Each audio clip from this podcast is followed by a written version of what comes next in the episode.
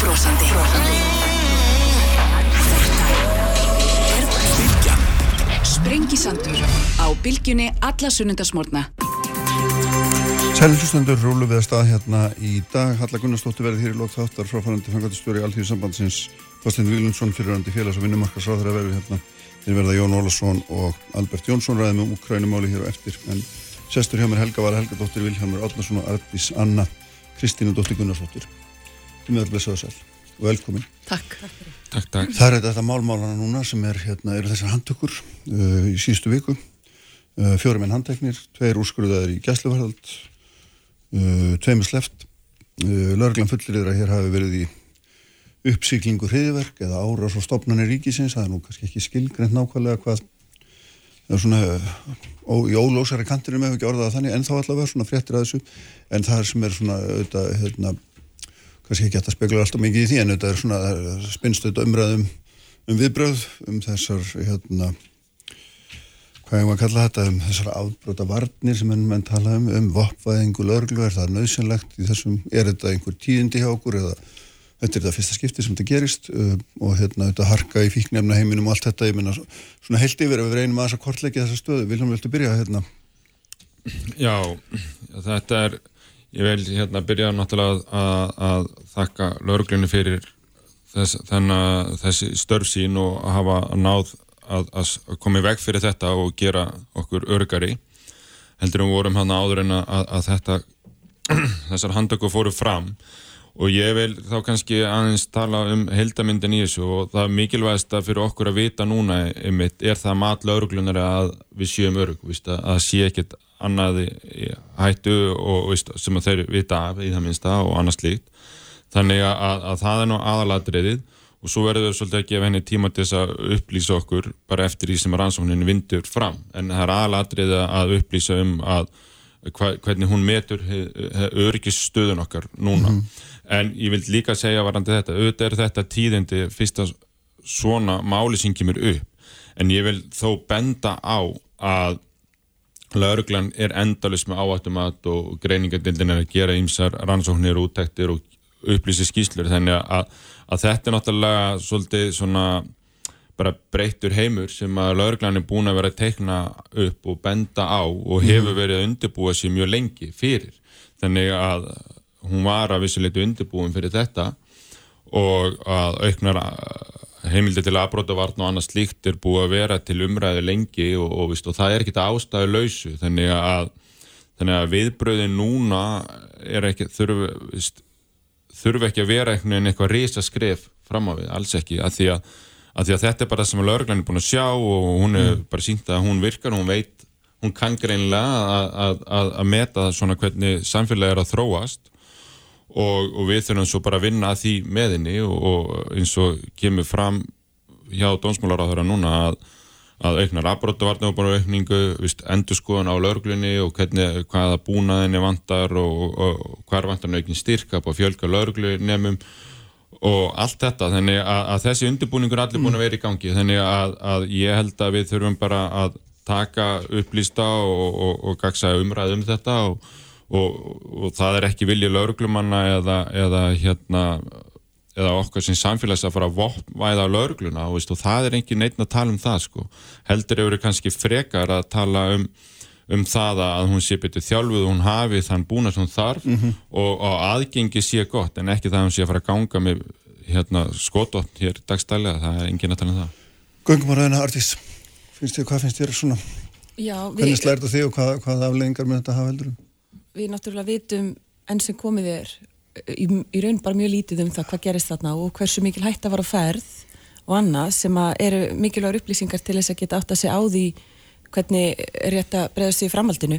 En það kemur auðvitað ekki óvart að það komi upp rattir sem að gera kröfum um akkurat þetta uh, auknar valdheimildir til lauruglunar og jafnvel vopnaburð og annað og þetta frumvarp sem, sem ráþeira, ráþeira kemur fram með eða bóðar þarna, það er náttúrulega ekki nýta nálinni og þetta er ekki alveg splungun í hugmynd um svona forvirkar ansóknir heimildir.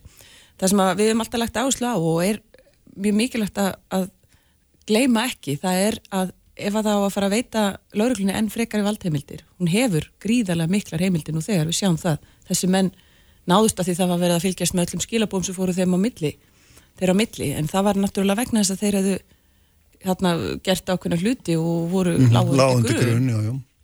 á meðan forverkar rannsóknarheimildir í rauninni veita stjórnöldum heimildir til þess að fylgjast með öllum borgurum landsins eftir sinni eigin, ég ætla bara að leifa mér að nota orði hendisemi Mhm. og á meðan við erum ekki með neitt neitt batteri, neitt ferli ekkert, ekkert engan aðila sem að hefur eftirlit með beitingu þessara heimilda þá, þá er algjörlega ótækt að vera auka þar heimildir. Þannig að það er, það er eitthvað sem að ætti að mínum andi líka að fara í forgang núna. Það er það að við akkurat til þess að líka tryggja þjálfun, lauruglu og annað eins og Vilhjálmur nefnir, það skiptir miklu máli. Og það er að það sé einhverja leiðist til þess að fylgjast með þessu. Í dag er það bara þannig að í rauninni er ein, eina sem að við höfum til þess að passa upp á það að lauruglan vinni, hvað var að segja, fari vel, vel með þessar miklu heimildi sem hún hefur, eru bara domstólar, fara bara í skadabútamáli ef að ítla Það er reynda til nefnd sem um, eftirlit með starfsemi lögreglum. Já, nefndum eftirlit með stjórnum lauruglu, hún er því miður ægilega máttlaus. Hún hefur litlar heimildir, hún, það er jafnvel þannig og maður getur svo sem lesið þá heimasíðu nefndarinnar að hennar hlutverk er fyrst og fremst að taka við kvörtunum og sortera þær og senda þær til mm. laurugla embættana tilbaka sem síðan ákveða sjálf hvað þau ætla að gera. Og nú áður en ég settist á þing þá starfaði ég sjálfstætt sem lögmaður og ég sendi fjölmarkar kvartanir til þessara nefndar og það kom ekkert út úr, út úr einu einasta þeirra, því miður. Já. Helga Valam, hérna, almennt en líka sértækt finnst mér hérna er áhugavert í þessu er að gæsluvarðs úrskurðinir í þessum taumunum eru ákala stuttir. Já. Við erum, það er svona kaltæni örlagan að við erum að fjalla hér um geirfinnsmáli sömu dagana, það vafðist ekki fyrir okkur 1974 og loka fólk inn í sko svo árum skipti. Núna er þetta, og það var nú fyrir sakir sem að hérna teljast nú óverulegar með að við það sem að með þessum mönnum er borðið að brín sko. Þannig að hérna, ég veit ekki, les maður eitthvað í það?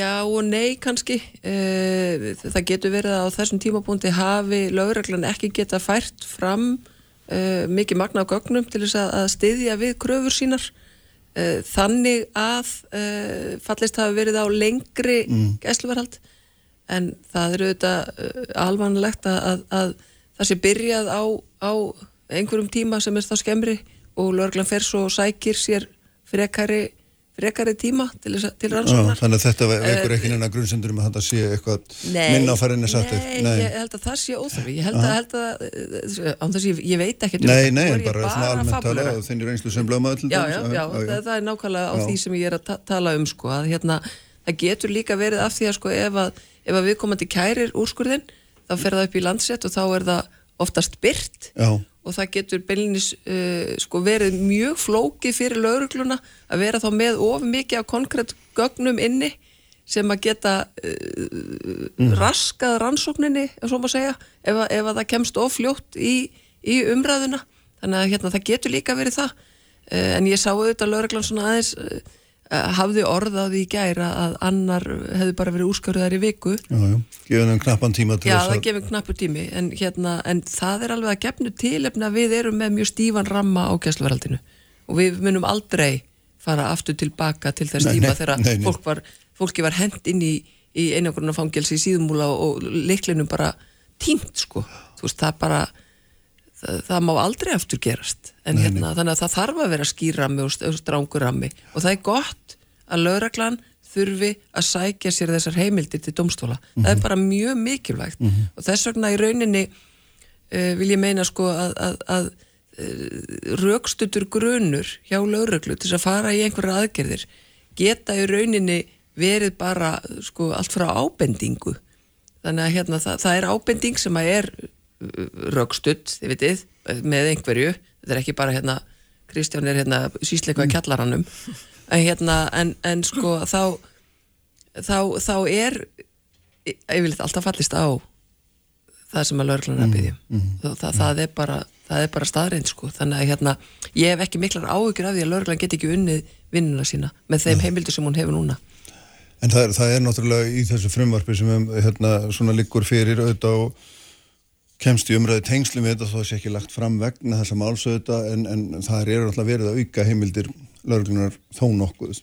Og, hérna, og verið að festa í lög heimildurinn alltaf að gera ákveðna hluti sem að að of almenni núna fylgjast með okkur, tengja saman upplýsingar á milli stopnana uh, hérna, og, og margt annað sem að svona uh, eins og sko er það ekki, myndir ekki vera sammála því viljum að það sko því maður sé ekki samanbyrjum í frumöfninu þar sem gerði við Norrlöndina það er náttúrulega mjög sterkar eftirlitstofnanir með Norrænu lögreglunni þegar hún, er, hún hefur rík, miklu ríkari heimildur en okkar eftir því sem við sínist en það er líka miklu sterkara eftirlit með að, með að hérna, hún fari ekki út fyrir þær heimildir.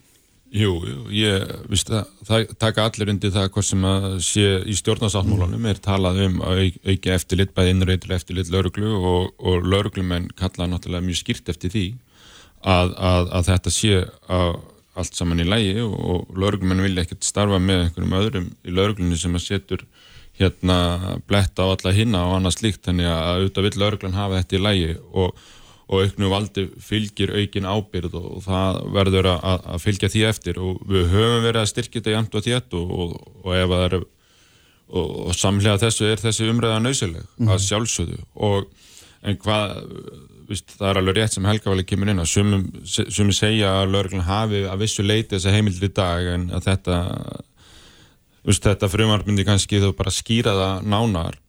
Og, og það sem er kannski svona undirlíkjandi í þessu er þá aðalega sko samstarfið okkar nákvæmna þjóðir í þessu.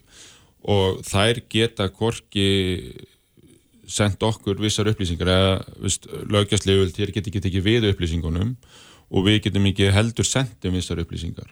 Þannig að í opnari heimi og, og minna um landamir mm. ánast líkt að þá er þetta nöysilegt og ég held að þó að við myndum uppfæra okkar lögjum afbrótavarnir að það myndi ekki aldrei, aldrei gangið að blánt á Norrlöndin eða bara önnu löndi kringum okkur sem við börum okkur sama við og þannig að veist, þarna erum við bara með á vogaskólanum sem við viljum náttúrulega öll verja að það er bara vist, friðhelgi engalífsins og, og, og, og frelsið að það má ekkert ganga á það. Mm.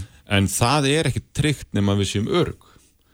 Og þannig að, að við þurfum að finna þessa leið. Hvernig getum við tryggt örgið þannig að liðræðið samfélagi virki og það er það verður alltaf eitthvað, eitthvað tilefni sem að þarf að gefa þessar heimildir og ég held að sé, við séum öll flest á Facebook þannig að alls það er fylgst með okkur en þannig er þetta eitthvað tilefni undir einhverju eh, eftirliti og, og, og annað slíkt þannig að, að, að ég held að við verðum að, að búa þannig um að við getum treyst lauruglunni fyrir þessu og við þurfum að geta átt samskipti við okkar nákvæmlega þjóðir mm. og, og við þurfum að geta tryggt öryggi borgarans og við þurfum bara að horfa framann í breyttan heim mm -hmm.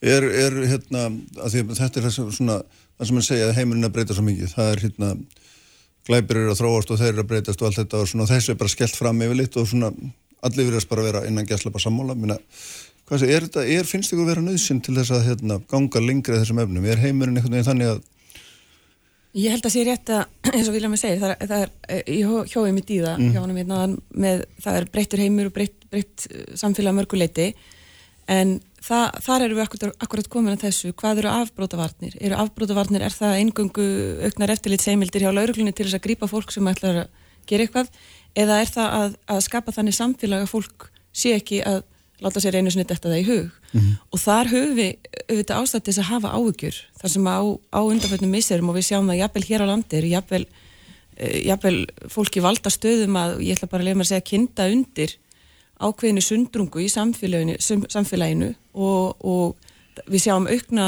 aukna fordóma, við sjáum ákveði svona uh, ákveðina óþægilega þróun þarna sem að held ég að sé eitthvað sem að er langt um mikilvægara áhrifaríkara að uh, hvað við segja, fara aftur í að berjast gegn, mm. frekar en bara að, að hlaða bísum á laurugluna vegna þess að það er auðvitað það sem að fyrst og fremst skapar hér örugt samfélag það er það að við lifum hérna öll í, í sátt og samlendi og séum ekki, ekki neina oknu hvert annað og neitt nátt. En er það ekki einhver tálsýn að við getum gert það eða hvað? Sannlega ekki, uh -huh. það er að mínum mati, alls ekki og ég held að það sé mun einfaldara heldur en, heldur en við höldum það, en það er, er líkil atriði að þegar að uppkoma atvik sem að benda til ákveðna fordóma, það er hefur verið undarfærið, sérstaklega þegar að fólk í valdastöðum er að taka undir ákveðna orðræðu, það veitir henni ákveðið samþykki og það uh, hvað ég var að segja, gef, gefur fólki þau skilabóð það sé í lægi að, að hugsa og tala á ákveðin hátt sem að var ekkit áður og það, er, það gefur auga leið að þetta er eitthvað sem er alveg hægt að snúa við hinn áttina mm -hmm. Það eru tveir þættir sem við þurfum að koma þess inn á í þessu öllu og það er að það þarf að ebla lögluna á Íslandi. Það þarf að fjölga löglufólki og það þarf, eh, stjórnvöld þurfa að viðurkenna það að þegar að við erum að þjálfa okkar löglufólk sem er komið e, til starfa, til dæmis við vopnaburð eða, eða annað, að það þarf að tryggja það að löglu ennbættin fái greitt fyrir það að því að fólk er að, er að í þjálfun á vinnutíma.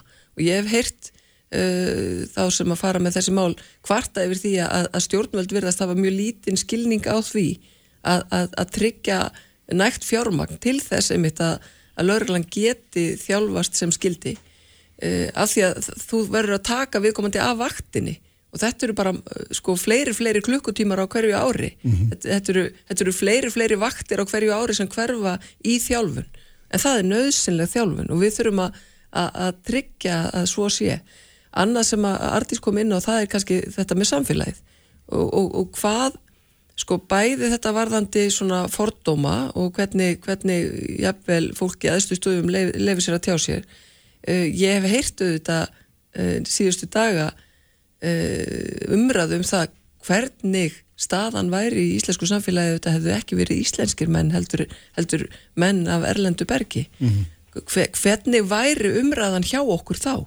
Við getum alveg við getum alveg aðeins svona íhuga það. Hva, hvar, væri, hvar værum við þá og hvar væru ráðamenn þá og hvernig væru þeir að tjá sig?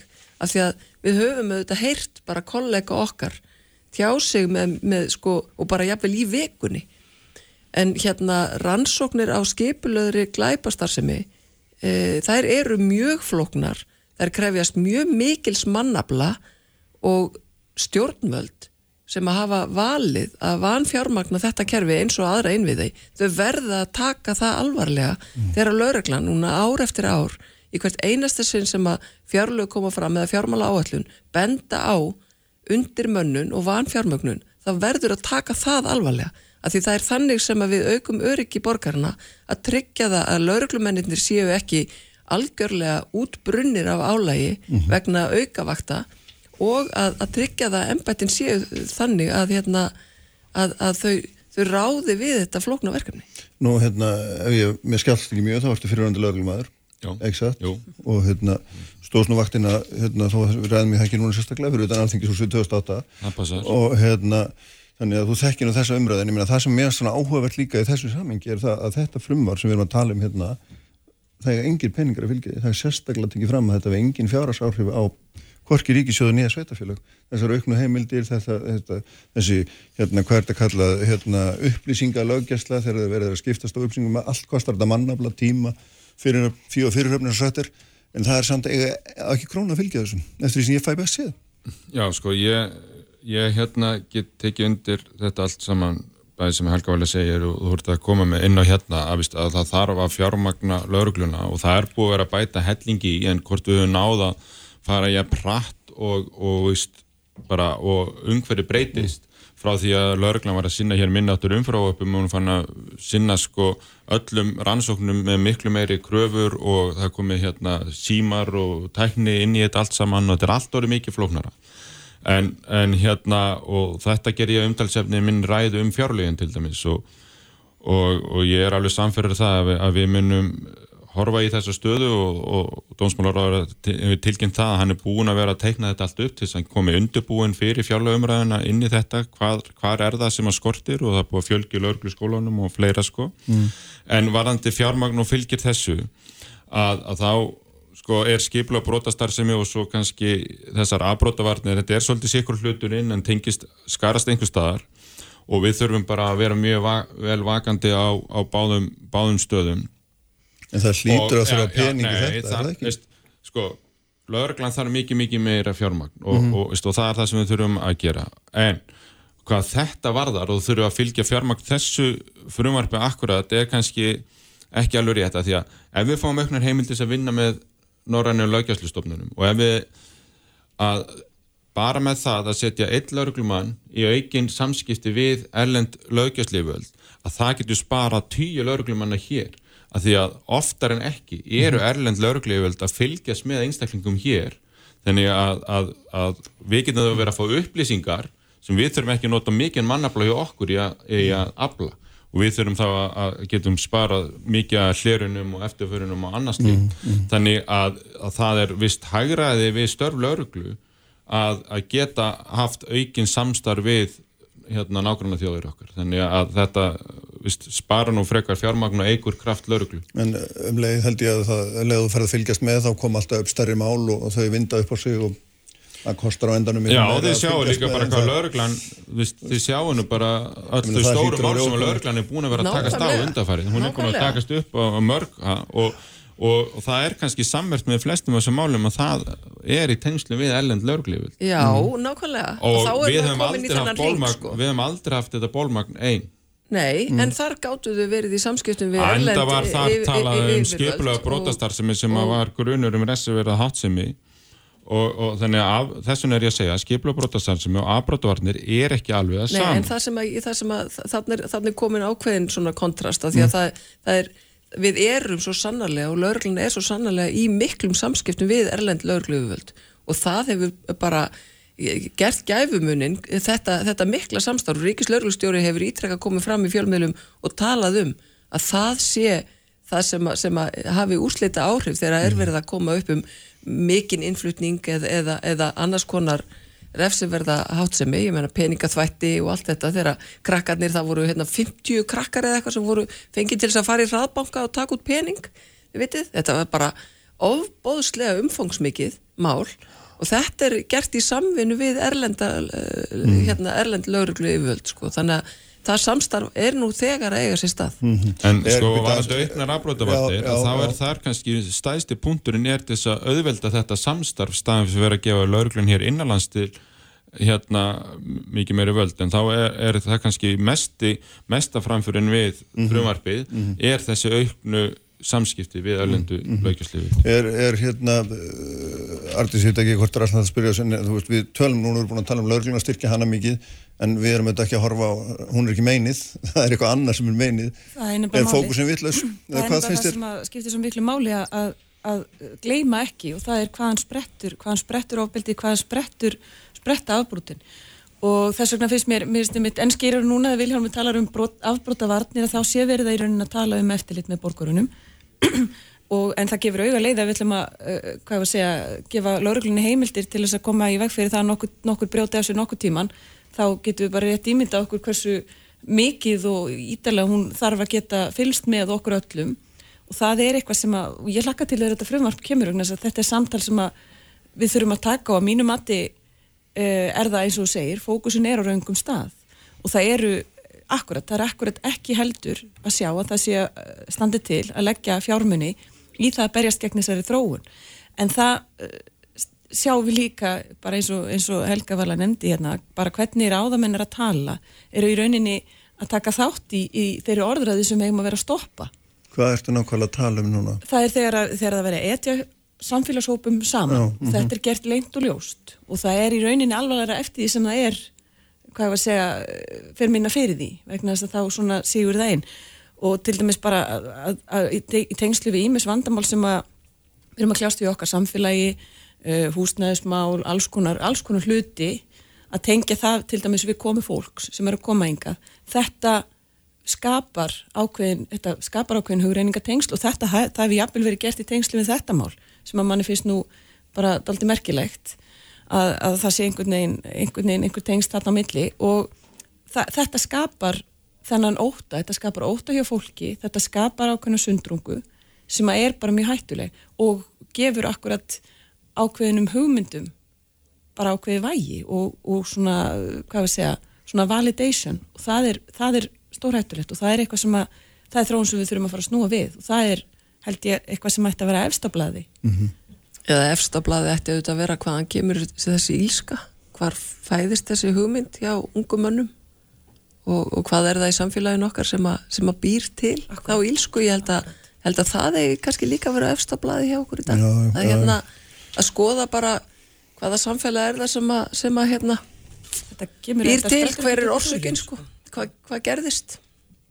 Já, þetta er allavega ekki, hérna, ekki ljóst ennþá hvaða, hvað, hvað fyrir þessum önnu vakti og, og hérna er þetta að svona, en þessi þetta er alltaf svipar hugmyndir eru allstaðar hjá einhverjum svona, hvað er þetta að kalla það, lone wolves á, á ennsku, hérna einhverju svona menn sem Já. er eitthvað meginn búin að búa sér til Já, sko, hugmyndir um að hvít sé svart og, og allt sé það sko hérna, Já, en það er kannski hluta sem breyta heimi líka sem við erum að fjalla um og, víst, og víst, þó við séum að ræða hérna það ákall sem kemur frá lauruglunni það þýðir ekki vegum ekki líka ræða hitt mm. sko, og við erum að fjalla með þetta allt sko. við þurfum að pæla í sko, læsistefninu í skólunum til þess að, að, að þar byrjar kannski rót vandans og við Helga volum saman í nefndinu farsaldafrömmarpin og, mm. og annars líkt nefndtaka ílutun og, og allt þetta varðandi geðhilbriðið og veist, auðvitað þurfum við að vinna öllum sem stöðum við erum að tala um það og svo umræð er líka mm. og ég tek undir það og hún er ekki síður mikilvæg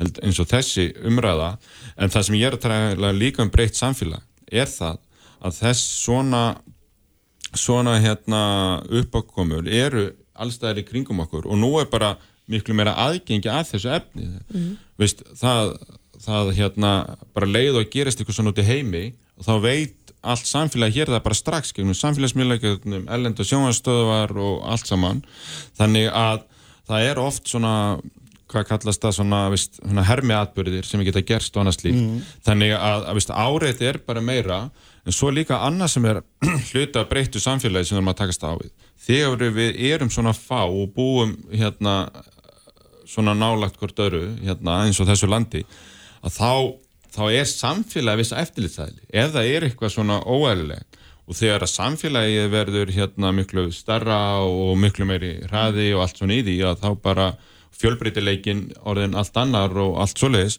að þá hérna þá náttúrulega er, er þessi samfélagsleg svona vitund og, og eftir aðhald mm. það er öðru í sín mm. og, og, og þannig að þannig að ef einhver er að bauka eitthvað út í hodni hann mm. kannski á öðveldar með að, að felast heldur en að það gerist áður sko. þannig að það er svo margt sem er í sér breyttu samfélagsmynd sko. Herðum, við þurfum að hérna Láta gott heita, að halda áfram að tala hér um, um bussur eftir regna bleik. Í útlandum. Við ætlum að fara til útlanda og tala um úgrænum með Alberti Jónsson og Jóni Ólasinni en takk vel fyrir að koma Vilhelmur og, og hérna Helga Vala og Ardís. Bestu þakkir. Takk. Takk, takk. Kraftmikil umræða alla sunnudaga. Sprengisandur á bylgjunni.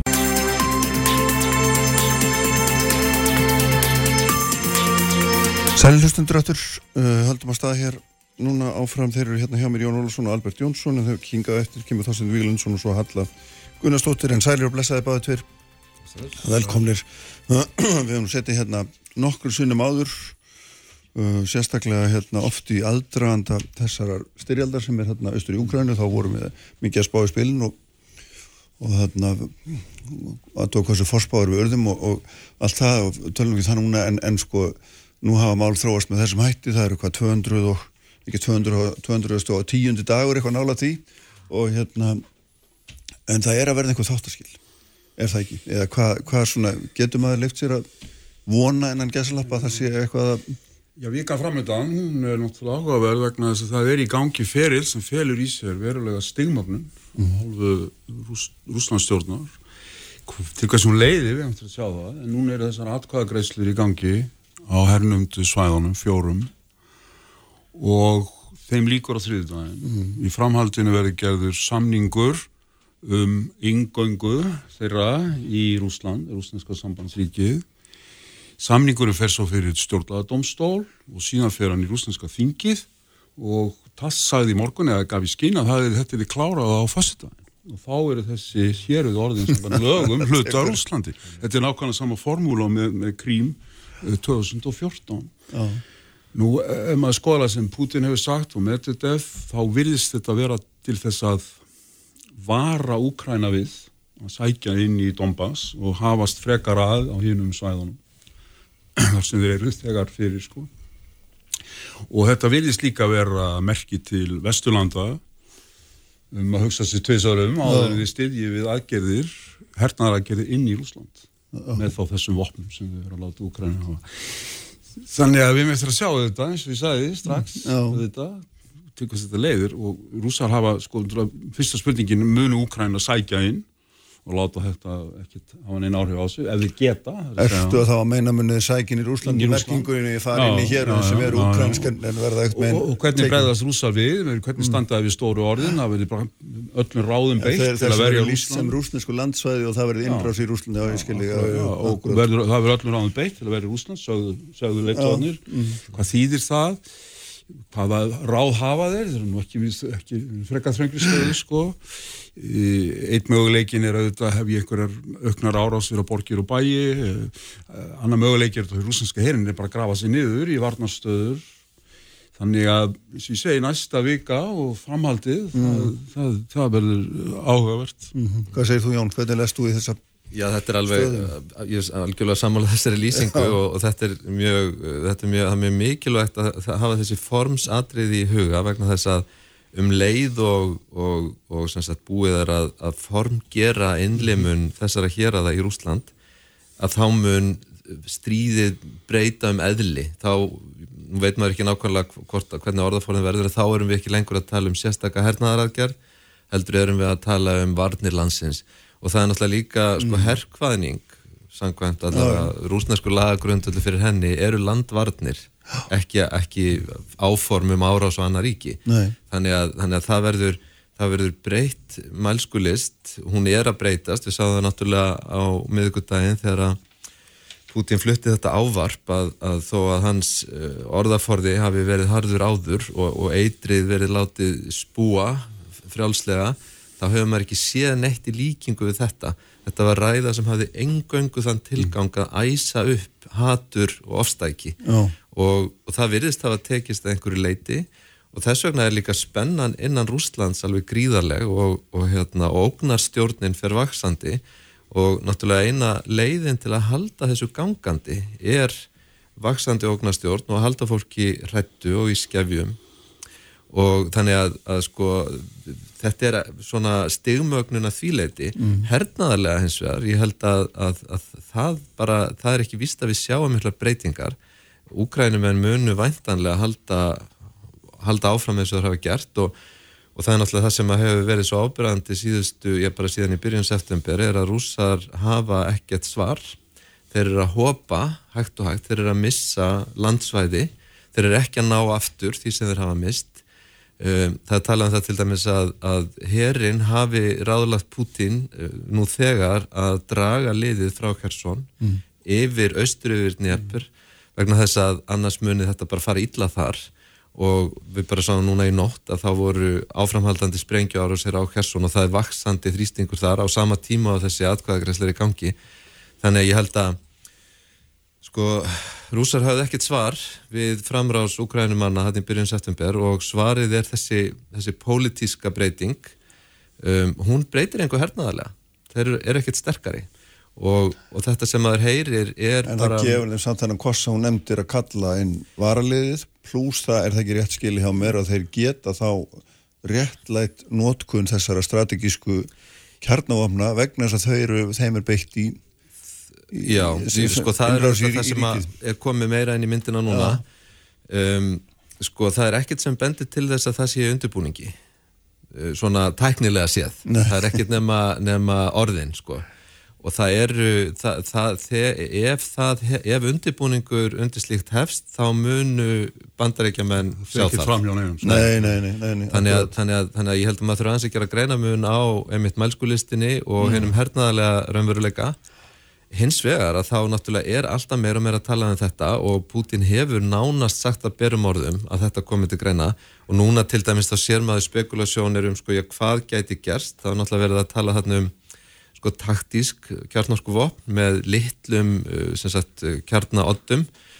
Og jafnvel hugmyndir eins og að sprengja kjarnaodd í andrúnsloftinu sem myndi slá út sko allar all samskipti Já, já, já. og allt slíkt Þannig að það- Og spe- og allt slíkt, Já, er það ekki? Svona spekulasjónir eru komna núna miklu meira Já. í gang heldur en var áður Já, sko, hérna, að því, að því við byrjum að tala um innlimunina og það var náttúrulega ljóst að Vestland hafa náttúrulega þegar líst yfir og þeiminni þessi atkvæðagreisla í þeirra augum er bara brandari, hún hefur ekkert vægi Samáttu í krím fyrir 8 árum Já, Átta einmitt. ár. en ég meina, þú veist hvers konar hvers konar aðtöfn er þetta eiginlega vegna þess að þú kemur einhver starf að ræðst á einhvern og, og, og, og, og innlimur hann svo lætur hann hérna, svo fer hann í atkvæðagreislu og, og þeir sem áttu landi innan geslapa áður fá ekki ekkert um það sagt. Nei, Þetta er bara brútal tilvægn til Já. að beita valdi og, og ég held að ég komist upp með það næstu daga í þeim En það skilningi að geta þetta þeir er og þetta geta er- þeir skilgreint þetta sem Rússland án þess að hérna, nokkuð maður segja neitt? og er þetta þá bara Rússland? Það er bara eftir valdinu. Hvaða valdið hafa og hvernig þið geta fyllt þessu svo eftir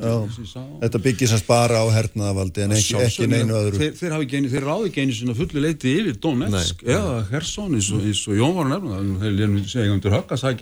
að nefna það þeir lefnum segja undir högg að sækja þar þar sem þeir eru með þessa atkvæðist en þetta er bara, þetta er bara púra valdbeiting.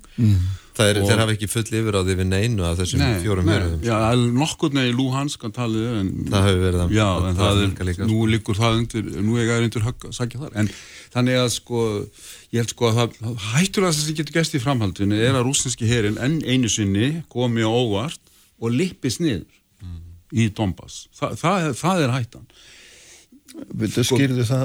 ég bara, mér eins og í Harkiv þeir er bara lögða að flóta já, já.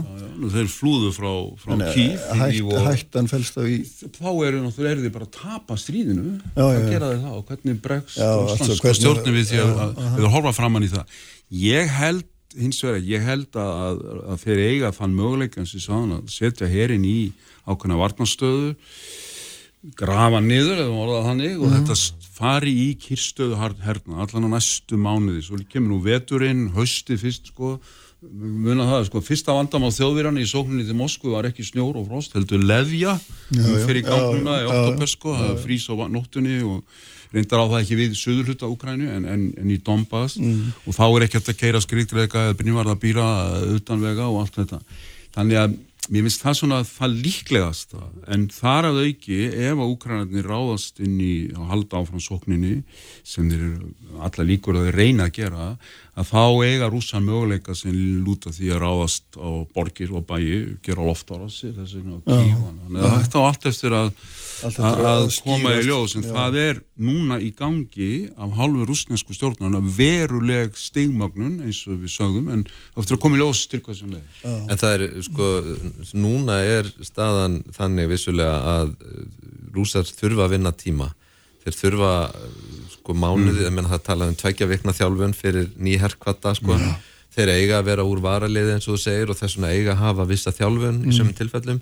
Það eru þetta mjög upp og ofan hvernig það er. En, en sko, þ- tími er það sem að rúsa græða núna. Já, já. Það, er, það er engin spurning.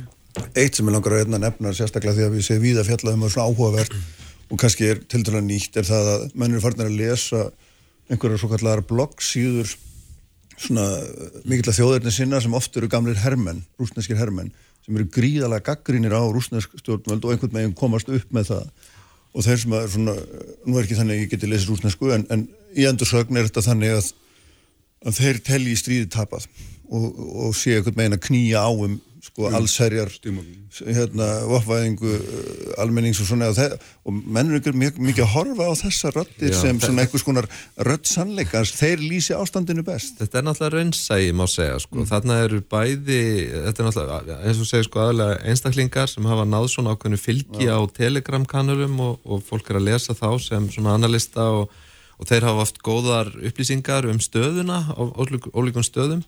Og, og það, það er einmitt akkurat þetta, það er bara raunsætt mat. Og ég myndi nú kannski allavega að nú er þetta svo dreift sko, allavega þeir sem ég les eru, eru ekki þannig að þeir séu að segja að þetta er tapað og eitthvað svoleið sko, heldur meira bara nú þarf að passa sér vel að gera ekki öll sömu mistökin eina ferðina enn. Og, og þá er þið til dæmis að tala um það að, að fara að, að, að fleia inn á vígvöllin óþjálfuðu fólki sem að, að hefur hvorki búnað en ég kann á þann búnað sem það hefur. Og, og það er náttúrulega umræðan svona í krítíska umræðan í Rúslandi er einmitt svo að nú verði sko bara fallvissu fóðurinu allt á, á Vígvallin sko. Þannig að það eru mjög sko sterkar gaggrinsatir einmitt bara á skipulega mála í Rúslandi Mm. sem er alveg réttar. Þetta er fólk sem að þekkir þetta og þeir, meina, fyrir þeim er hugsunum bara svo að, að sko Menna, ok, sem segja sannleikurinn er fyrsta fórnaland stríðsins sko, en það þurfa allir á réttum upplýsingum að halda í stríði. Og þetta eru, er, er, er, sagt, þessir kommentatorar hafa áhuga á því að, að þeir sem eru á výðallum líka, þeir sem að fylgjast með þeim, þeir viti raunverulega hvað er gerast, þeir séu ekki undir einhvers konar blekkingar hulu yfirvalda sem vilja ekki segja þeim hvernig staðan sé í raun. Og þe- þessi rakför rúsneska hersins í Úkrænu er algjörlega ótrúlega. Og uh, sko er þetta bara angi af, uh, og það er ekki bara þeir hafi orðið fyrir manntjóni, fallnir og særðir taldir í miskosti þúsundu, líklega tögu þúsunda, gífurlegt herrgagnatjón. Það eru bara stríður búið að afhjúpa ótal veikleika í skipulagningu hersins, byrðaflutningum, þjálfun, samvinnu, flughers og landhers sem er bara engin sko. Þessi, þetta er ótrúlegt. Og þetta er náttúrulega angi af öðrum veikleikum eins og ég sé það í Rúslandi sem að lúta stjórnafarinu, stjórnkerfinu, hergarnaframleðslinu og, og svo þessi spilling sem er alþekkt og, og, og er allstar. Þannig að, að og, þegar maður, sko, ég, ég las ræðu Pútins svona, sem hann flutti á mið- um, um, byrtu morgun. Þá er hann hann stór, stór orð sko en veikleikin skín í gegn finnst mér og ekki bara í þessu efni heldur sko mér líka vera endurómur þessari úr sögunni sko, langt aftur. Þessi viðleitni að reyna að vera eitthvað sem þeir bara geta ekki reyna að vera stórveldi á pari við Vesturland þetta er, þetta, þetta er miklu eldra en Putin og stakku NATO og, og, og, og ja, Sovjetríkina þannig að þetta er alveg feiknalegar ógöngur sem þeir eru komnir í og, það er já. áhyggjefni Hvað gerir Björn sem er króaður af í... já, já, en enn og aftur er eiga möguleika eins og ég sagði að, og Jón kom inn á það, endur skipla kaupa sér tíma, sér taka varnarstöðu, kaupa sér tíma endur skipla ekki herin, býða af sér veturinn og svo framvegis og mér finnst, mér, mér finnst þetta líklegast en, en En það er náttúrulega mikill veruleika flotti þarna á ferðinni og Já. það sjá það allir núna sko. Þetta var öðruvísi í byrjun af því að þá höfðu menn aðrar hugmyndir um getur rúsneska hersins. Menna, núna er það svo velkom á pappírstíkustýr, næstu að, að það er veikleikarnir eru rosalegir og ég held líka sko það- svo er annað sem að menna, spurningarna sem að vakna núna eru auðvitað bara hvað segir maður, svona post-konflikt mál sko, maður sér að NATO er farið aldrei að hugsa þannig líka menn þessu mun ljúka. Og, og því getur uh, sko, menna, eitt af því sem að var auðvitað möguleiki hérna í upphafi var að, að rússar myndu einmitt bara taka ákveðin svæði. Og kannski getur maður sagt núna, maður horfið tilbaka sko, segjum að, að, að það hefði ekki verið farið í þessa, þessa þetta fegðar flan sko, að bara alla sér að ná þarna öllu á skömmum tíma heldur bara sagt, verið smæri markmið. Taka fyrst Danjett sko Lugansk alveg, bæta svo kannski við þessum tveimur héruðum. Sko þá er ekkit ólíklegt að, að rúsum hefði tekist einmitt að gera þetta að, að, að grafa sér niður hálpartinn og, og verjast og Evrópa og Vesturland hefði verið miklu tregari til að henda vopnum inn í Úgrænu eins og hefur verið gert. Þannig að, að sko það, það, það getur vel verið og maður sér líka að það er aðeins verið að horfa meira sko á þessi svæði núna, það er ekkert talað um sko Kharkiv eða Odessa eða eitthvað slíkt núna sko. Þannig að að sko menna, það kemur að því að þetta stoppar. Um, þá gæti það verið bara þessi, þessi staða að, að stríðið er svona í raun búið en þó það sé ekki búið og þannig gæti það haldið áfram í mörg ár þess vegna sko. Þannig að það verða líka stóra svona spurningar. skærum bara... já, kyrstöðu Já, hernaðar, sko. og það geti líka verið spurningum um NATO, ég meina NATO, Vesturlönd hafa þá möguleika að klára þetta? Þeir geta, það er, það er hægt að láta Úkrænum en hafa ennþá meiri vopn og ennþá meiri stuðning þannig að ég held að, að þetta sé ekki bara spurningum hvað rússar gerir, heldur líka Já. hvað Vesturlönd eru tilbúin til þess að Já, ganga því, en það er alltaf líka alveg því að sko, við, við höfum náttúrulega, við erum ekki þessu lönd NATO aðilar þessu stríði svona í tali, en ef þú tekur fjárstuðning, vopnstuðning, Já, mannabla hérna, já, hérna, hvað þetta er svona know-how, ef maður getur kallað þekkingu, Mhm. tjálfun, allt þetta þá erum við náttúrulega komin djúftan inn það er nú ekki hægt að neyta því. Og, og, og, hérna, og þurfum þetta sjálfst að einhvern veginn að fylgja því eftir. Já, já, ég minna að það er ábyggilega eitt áhugjefnið í, í Kíf, að mörgum sem þeir lóta að hafa, blessaðir, að hvað halda Vesturland þetta lengi út, en ég hygg samt að, að þeir telji og með réttu að fyrir muni halda þetta miklu lengur út heldur en heldur Já, en ég segi, svo, svo spurning hefur, gjör- eða svari við henni hefur gjör breyst með þessari framsóknir, eða hvað? Nú er þetta allt í einu horfir þetta allt öðruvísi við Jú, jú, en minna, bandaríkin, það hefur oft, marg oft komið fram hvað bandaríkja stjórn ætlar að passa sig í þessu máli og hérna ætla ekki að lenda í átökum við Rúsland, það er bara algjörlega en þeir eru náttúrulega að því svona bara Já, þetta er jákallað einsku proxy war Já, sko, já, já. það er náttúrulega sem rússarnir uh, segja að það er verið að þetta, sko, það er verið að beita Úkrænu fyrir sig gegn okkur, mm. -hmm. skilur við, það er allt, þetta er allt notað en um, Já, já, en það er náttúrulega líka bara þessi, þessi svona mistúlkun á, ég meina, hérna, uh, það er, þú, þú getur haldið fram á Úkræninu menn séu proxy Vesturlanda en rússar eru sjálfir að berjast. já, já, nei, ég er ekki að tala- um það, heldur bara hvernig þetta er, hvernig þetta hvernig þetta er austan frá. og, og Já. notað og uh, ég held að, ég menn bandaríkin munu missakosti standa baki Úkrænu áfram og uh, sko veturinn ef að það er alltaf að tala um það að Evrópuríkin fari ítl út úr veturinnum Mm. og þau muni þá kikna og muni hafa ofta bara komið ljós hvernig veturinn verður líka en, uh, en, en bandaríkin eru þetta ekki táð rússum með gas og olju eins og Nei, nei, nei, að nei. það En þetta er náttúrulega líka spurning um, sko, kannski, meina, ef að veturinn líður og, og staðan er óbreytt og Evrópa stendur þessu veturinn, af því að Putin náttúrulega hann stólar á það að Evrópa hrinni í vetur í kvöldunum. Hann er að býða þetta veturinn á þýleiti líka, Já, já, já. ekki bara hernaðlega.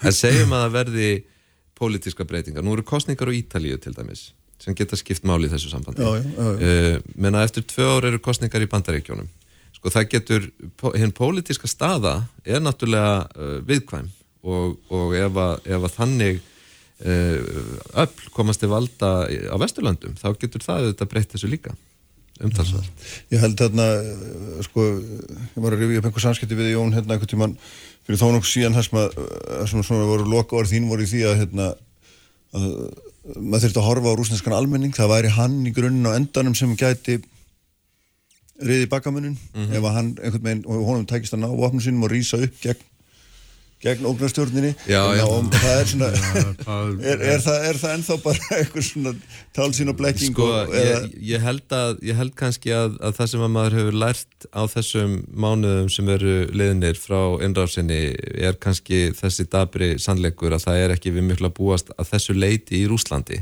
ekki einhvers konar uh, bara mótstöðu sem að er svo sterk að, að stofnarnir sjá sig nöðbegðar til þess að fylgja því það er ekki að gerast. Hins vegar þá er maður auðvitað farin að sjá ímis merki þess uh, í, í Rúslandi að uh, sko vald Putin sé að breytast. Og menna, hann er búin að vera við völd í 23 ár sko næstum því. Og, og lengst af hefur hann notið yfirgnæfandi stuðnings og raunverulegs trösts að mörguleiti meðal, meðal þjóðarinnar það er ekki þannig í dag. Það er ekki það sem að maður skinjar af því sem að maður les og heyrir jafnvel í ofinberu pressunni í, í Rúslandi að það er, hans staða er orðin miklu meira bara staða um, harstjórans uh, það er ótti sem að stafar frá yfirvöldum fyrst og fremst, það er fólk, ég meina, fólk er að, fólk er að upplifa alls konar uh, hérna sagt, k- hvaðir, núna til dæmis að þá er, er talað um það að, að, að það verði eftir 28. þegar að hægt er að skilgreina Úkrænustríði sem innrásastríð Vesturlanda gagvart Rúslandi þá verði til dæmis ferðabann orðið miklu vítakara á kallmenn sem að gætu verið herkvatir og ég meina það er engin við sjáum á öllum landamörum Rúslands það eru sko, það eru 20 kilometra raðir bíla að reyna að komast út bara, að- það er, er, en það er ekkert að breytast í stóru myndinni í Úslandi eins og ég sé það. Fyrsta lagi, ok, uh, hann á undir högg að sækja kannski einhverjum, einhverjum skilningi og lítur ekki nóg vel út í einhverjum skilningi, en hann hefur allar bjargirnar áfram til þess að vera við völd.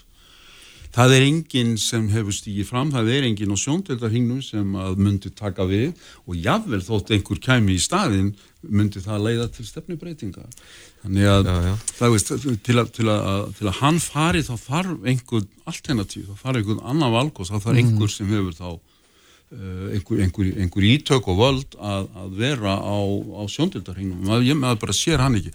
Almenningur í Rúslandi er það sagan segir okkur ekki það að almenningur í Rúslandi muni valda svona miklum breytingum. Nei, en það er samt en auðvitað stríð er stríð og það er ófyrir sjáanlegar afleðingar sem að fylgja styrjaldum Já, já, núna kemur það svona meira Já, heim en við höfum ekkert í höndum sem segja okkur, finnst mér að, að það sé að vænta breytinga í Rúslandi sem muni leiða til einhverja umskipta í þessu stríðsrængst. það, ég er alveg sammálaðið, það er ekkert sem að er að gera sem segir okkur það en, en ég held samt sko þegar maður horfir á andrúnsloftið gagvart stjórnvöldum þá er það breytt.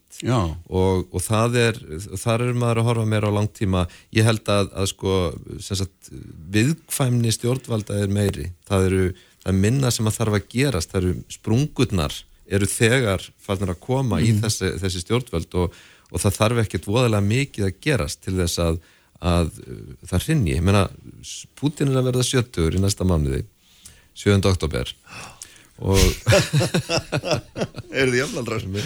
já við erum jafnaldra. og, og hérna og, og það er endalausir orðrómar um, orðrómur um, um helsufar hans og, og svo framvegis. Ég meina það er heldur engin merki þess að hann sé veikur en sko það getur, hlutinni geta gæst rætt og ég held að maður þurfa að vera viðbúin því að, að veikleikar uh, veikleikarnir sem að menna, Albert er búin að líka rekja þeir munu allt í einu springa framann í stjórnvöld. Og þá held ég að Vesturland þurfi líka að vera viðbúin og geta uh, hérna, tekist á við það ástand sem þá mun skapast í Rúslandi Hva, hvaða, hérna, Albert, uh, hvaða áhrif myndi það hafa á, veist, ekki beinlinis af Ísland, en samt þessar slóðir sem við erum á, þessar norðurslóðir sem að rússar hafa nú verið mjög áhrifamiklir og hérna, og selst langt eftir svona áhrifum, Já, það við, víða og vilja, Já, vilja hafa, hafa margt um mál að segja, sko. já, það sem blasir auðvitað við núna og líklega næstu ár er að, eins og vorum að tala um á þann, rúsinski herin er náttúrulega hefur látið mjög á sjá og uh, samkvæmt allir lógik þá þetta minka líkurnar á því að, sem betur fyrir að, að hætta á, á átökum á meginlandi Evrópu, milli Rúslands og NATO, minka samkvæmt því nýlega bara sko breska að segja að þeir eru búin að missa sitt, sitt besta lið, þeir eru búin að missa mannskapn og hergögn sem voru í sveitunum sem áttu að nota gegn ef þið komið til átaka við NATO. Og það var breska landvaldanáðan segið það mun taka á mörg ár að endurbyggja þetta. Þannig að þetta er auðvitað feikilega mikil breyting að Ísland og Norðurslóður hafa strategíska þýðingu og stríðið í Úkrænu snertir hana ekki, ekki ennþá. Og það þarf allt annars konar átök. Það þarf átök milli, milli NATO og Rúslands til þess að þau ná inn á norðurslóðir og inn á okkar, okkar svæði. Þannig að þetta stefnir svona í, í hinn áttina sko. En einhverja breytinga verða samt í svona Að þessum mest- hlutföllum hérna, næst okkur og Já, er ég, það ekki? Ég held að fyrstu breytingar sem við munum sjá í viðbröð við þessu á okkar, í okkar heimsluta er að NATO ríkin muni gera sem meira gildandi á norðurslóðum til að undirstryka hagsmunin sína á þessu svæði. Já. En hvað gerist síðan hérna, ég veit ekki þetta er kannski orðið allt og stórkallarlegt og loft hérna, kent en, en, en það er svona líka, veist, það er mikið verið að horfa til Kína og Rússland veikist og veikist og fer ekkert meginn í vasan og Kína, Kína. Og, og að því að þeir hafa, hérna, hafa ekki önnur hús að venda að þá erum við konum einhverja mjög skrítna stöðu aftur. Já, ég, sko, það, þessi stöðningur sem að rússar treystu á frá sérstaklega Kína en líka frá öðrun löndum hefur náttúrulega verið miklu meira hikandi heldur en þeir vonuðist eftir og svona, og marg, það er engin tilbúin til þess að styðja Rússland algjörlega afdráttalöst nema að vera skildi Íran. Ekki einu svona Hvítarúsland og Lukashenko er, er ekkert búin að segja um hvað hann muni gera í samband, hvernig hann muni tólka atkvæðagreðslunar þannig að, þannig að einangrun þeirra og, og, og veikleiki bara í öllu samstarfi er, er sko stöðugt meiri.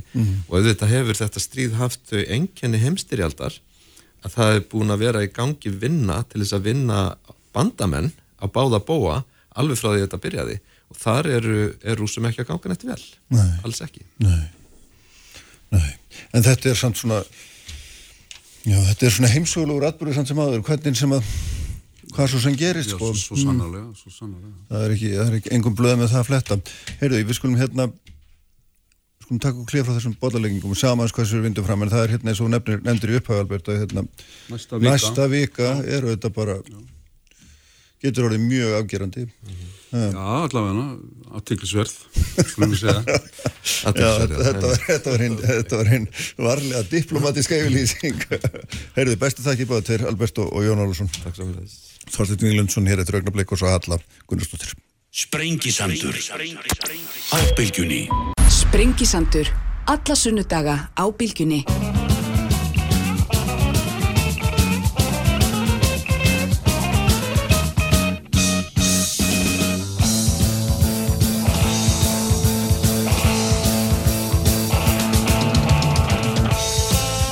Sælir aftur hlustendur, þeir eru farnir frá mér uh, Albert Jónsson, Jón Ólafsson, Halla Gunnarsdóttir fráfænandi framkvæmstjóri Alþjóðsambandsins verður hérna í lokþáttar en sestur er hjá mér góðu gestur uh, Þorstein Víglundsson sem er þetta fyrirvændi félags- og vinnumarkasráður á framkvæmstjóri samtakaðunir uh, lífsins og hérna alþingismæður og guðum að vita hvað ekki. Blaðmar á mokkanum eins og Fyrirverandi alls konar. Já, akkurat, en núverandi fórstjóri eignarhaldsfélagsins Horsteins sem að er hérna, hefur svona ánga víða á þessum byggingamarkaði getur við sagt, eða ekki þetta einfalda starfstýtili með þeim hætti. Sko, hérna, þú skrifar alveg hérna, mjög aðtikli vera grein á vísinilega sem að, að það sem þú varst að velta fyrir þér þessum þessu tali okkar um þrengingar á húsnæðismarkaði, gríðarlega eftirspurnu, hérna, stórar áallanir fram í tíman og ferða að bera það saman svona rauntölur um fólksfylgun og svona og eiginlega kemst að þeirri niðurstöð allavega eins og ég skilða að það séu svo mikla gloppur í þessum áallunum og hugmyndum að það sé lítið að marka þetta. Já, sko, ég, ég hef tölvast lengi haft ágjör af þessum yfirlýsingum því að mm. það er raun og veru, ég ætla ekki að vera tvö ár síðan að var að fara að flega þessari tölu fram að hér vantaði 35 til 40.000 íbúður Já, já, já, já. Og maður svona staldraðins við bara strax og sagði býtu að, að meðaltali hefur verið að byggja held í síðastliðin 20 ár svona 2200 íbúður ári. Og í umhverju þar sem að, að þjóðinni hefur verið að fjölga og, og hérna svona skipst á þetta skín og skúrir eins og við þekkjum en, Já, en svona heilt yfir getum við nú sagt að við stöndum allavega bísna vel í dag hérna 20 árum síðar. Uh, svona gamla þimmalputtareglan þar áður voru ykkur 1500 til 1700 íbúður ári og, og, og þannig að augljóslega hefur segja, byggingar takturinn aukist bara samlega fjölkun þjóðarinnar og, og auknum innflytjandaströmi til landsins og, og svo frammeðis þannig að maður spyr sig þegar að slengtir fram tölu sem felur í sér sko, kannski 60% af vöxt Já. í þessum byggingatakti á ári hverju næstu tíu árin. Hvort að það sé virkilega uh, uh, uh, þetta, hvað segja byggja á slíkum áallunum eða, eða trúa því sem að baki liggur eða hvort að það séu ykkur að gallaðar fórsendur þannig til, til grundvallar. Og það sem að ég uh, hef, hef verið að velta fyrir mér og hef svo sem verið að benda aðeilum sem hafa verið að hafa þessar tölur í flimtingum á að, að það var til þess bara mjög aðteklisverð þversvögn í þróuninni. Uh, sko nú er ekkert, ekkert sér Íslands fyrirbriði að eignamarkaðir hefa hækkað mjög mikið í COVID. Þetta gerist allstaðar í öllum löndum í kringum okkur og, og fastættamarkaðir þar á meðal og það var alveg ljóst að hvað sé, bara í, í kaupmættu okkar þess að þau 90% sem ég heldur störfum sinu svona heilt yfir að, að kaupmættur þeirra fluttist úr þjónustu yfir í vörur og þar með talið fastegnir og við sáum þetta bara í öllum löndum í kringum okkur og svo komaðu þetta stuðnisaðgerði stjórnvalda, vakstarlækkanir og annað þess að sem eigur enn fyrir á þetta. Þannig að hér ef þetta gerist það bara að Sæðlabanki setur fjármagna útsölu ef við segjum bara eins og er. Uh, og við það fer fasteignamarkaðurinn og flegi ferð Eh, það er miklu stærri hópur sem alltíðinu hefur efnað því að kaupa og er að færa sig inn á eignamarkaðin, hvort sem er úr fóröldarhúsnæði eða leiguhúsnæði eða ykkur öðru. Og það er allavega þá aðteglisvært að spyrja sér fyrst, er leigumarkaðurinn að sína merki um þennan húsnæðiskort sem að verið var að tala um, Mhm. eða er þetta einfallega bara vakstarleikunum sem að reyði mestu?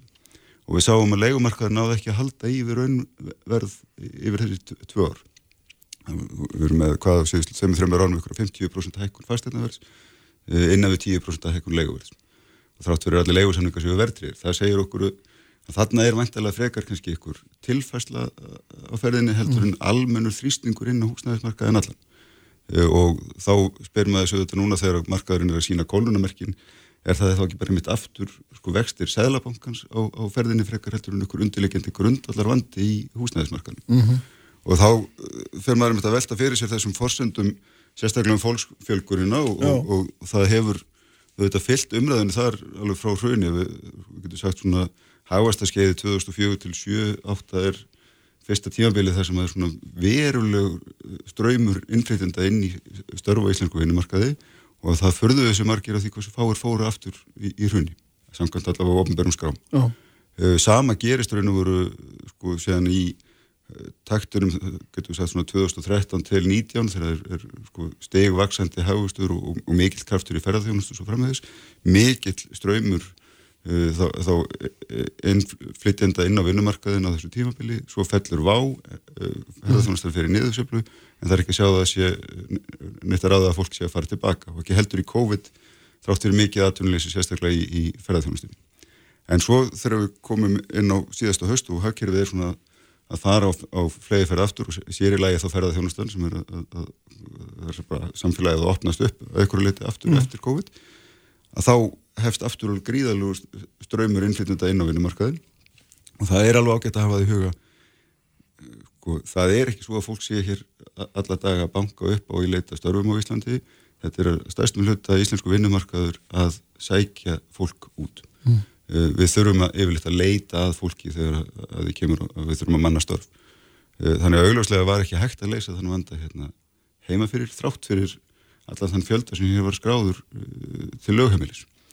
Uh, og það gefur manni kannski þess að ég ítir verulega undir þá hérna skoðun mína að við sem ofmeta mannfjöldan, við sem að vannmeta verulega það fólk sem snýr tilbaka og, og ég held með að þessi uh, trend ef að mættu orða svo að segja jafnvel að aukast að því við sjáum bara ferðarþjónustan í eftir því sem hún tekur eh, meira til sín í hagkerfunu hjá okkur, verður stærri að hún er mjög söflukend aðtunugrein, sérstaklega á landsbyggðu og svo framvegis þannig að það er mikið af fólki að koma inn í störf kannski Já, já. að vori og, og, og, og fara aftur út að hausti og ég held að það sé full ástæði til þess að skoða þetta mjög vandlega ég svona fór nokkra leiðir til þess að reyna að meta ég fór að bera saman skráar hvað, hérna, þá hagstofunar varandi vinnuöfl og, og hérna hvað stór hluta því væri eh, erlendur og þá sjáum við til dæmis bara frá hápunkti hagsöfluna 2018 til dagsins í dag hefur erlendum starfsmönnum samkvæmt ríkiskastjóra fjölgað um 5.000 Mm. en innflytjandum eh, um 16.000 og ef við skoðum sér aðeins lengra tímabil þá skoðaði ég bara vinnumarkaðin þannig að fólk á aldrinum 16 til 69 ára Já. uh, hvað hefur störfum samkvæmt þá þessum sömu skráfaköknum fjölga mikið frá 2005 til 2021 er það eitthvað 30.000 uh, en fólki á þessum aldri hefur fjölgað um 60.000 þannig að, að en samt er ekki ratunleysi Nei, samt er allir með vinnu. Já, og það segir okkur að, að það er eitthvað skrítið þessum tölum og það er allavega fyrsta skref stjórnmáld áður en að ráðast er í að byggja e, yfir þennan hóp Mm.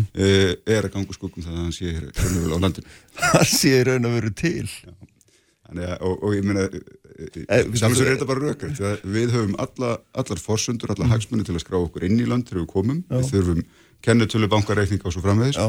það er engin að skikka okkur, eh, það er engin sem fylgist með okkur þegar við förum út í keflaug, hvort að við séum eh, í ferðarlegi, að fara í frí eða við séum Nei, hvort við ætlum ekki að koma aftur. Þannig að þú ert að, leiða því líkum að, að þúsundur manna hafi skráð sín í landið, unnið einhver tíma hvort það er mánuður eða árið eða eitthvað slíkt farið síðan bara, en sé samt alltaf að skrá íslenskra yfirvelda yfir fólk sem að hér er Já. búsett Ég uh, skaut á svona út frá, um, út frá þessum þremur leiðum sem ég skoðaði uh, sérstaklega síndist mér þetta geta verið svona plúspinus 20-25.000 mann sem við verum að, að, ofmeta mannfjöldan um, sem eru auðvitað umtalsvert og sérilega þegar við erum síðan farin að spá hvað sé, fólksfylgun sko áfram á Þetta er engin grundvelli- smá tala, 25.000 manns Já, og höfum þá huga líka að baki 30 til 35.000 íbúða þörfinni liggur meðal annars spá um sko 40.000 uh, manna aukningu á Íslandi á næstu fjórum árum. Já. Þannig að sem eru þetta bara þá framreikningur af því sem við sáum gerast frá síðasta hausti. Uh, en, en þá er Ísland er lítið sveiflukjöntækir og það er mjög erfitt að, að draga álíktanir út frá skamtíma þróunum, það þarf Mm. að horfa til lengri tíma og uh, þarna finnst mér mjög varhugavert að, að segja það að uh, svona stór hópur hafi komið hingað til landsins uh, hvað, tæplega 10.000 manns held ég á svona undarfötnum undarfötnum árið eða svo sé sjálfkrafa álustum það að súþróun mun halda áfram. Því að það er einfallega ekki verið sko störfum er ekki fjölga svona mikið þörfun verður ekki svona mikil. Og En það sem er svo myndsavart að draga upp er þess að svo að fólki fjölgar um eitthvað x og hérna en störfum fjölgar ekki einu sinni um helminga því en samt er atvinnuleysi ekkert og það er raun og verið ákall fyrirtæki eftir fólki núna almennt talað. Já, Þannig að þessi hópur sem að liggur hérna á milli, hann er einhver stað týndur. það er alveg, auglust að það er ennþá skortur uh, á, á vinnumarkaðum og orðað þannig þess að það vantar fólk mjög í það uh, og þó svo að, að þessi þetta teikna lofti bara út frá úkrænustriði sem voru að ræða hér áðan og, og, og ver, verðbólku ekki bara hér á landi heldur í löndunum í kringum okkur um að, að við séum nú kannski á leiðin inn í einhverja aðlugun eða segja, svona mjúka lendingu til dæmis eins og byggingamarkaði. Að, að þá vantar ennþá fólk og það er engin ástæði til þetta svart síni með Íslands efnaðslíf í augnablikinu. Það, það er allar un, undirstöðu greinar okkar sko, í bara mjög góðum takti og ferðarþjónustan komin aftur á, á, á lappirna þó það er eftir að vinna á rýmsu. Yðnaðurinn er í, í, í góðum gangi sjávarútvöðurinn í mjög sterkri stöðu og svo mætti áfnartalja. Þannig að ég er ekkert svart síðan á byggingamarkaði en ég, ég er eins og ég ég horfi bara á það að eitt af okkar helstu vandamálum þegar maður horfið til dæmis á byggingamarkaðin er hann er miklu sveiflukendar í, í byggingamagni frá ári til árs heldur en til, dæmis á hinn Norðurlandunum og uh, það er svo vond þegar farið er að staðna áallinni sem er ekki raunhafar að ætla innöðunum að byggja svo upp í það að afkasta þessum 3000, 4000 íbúðum ári Já.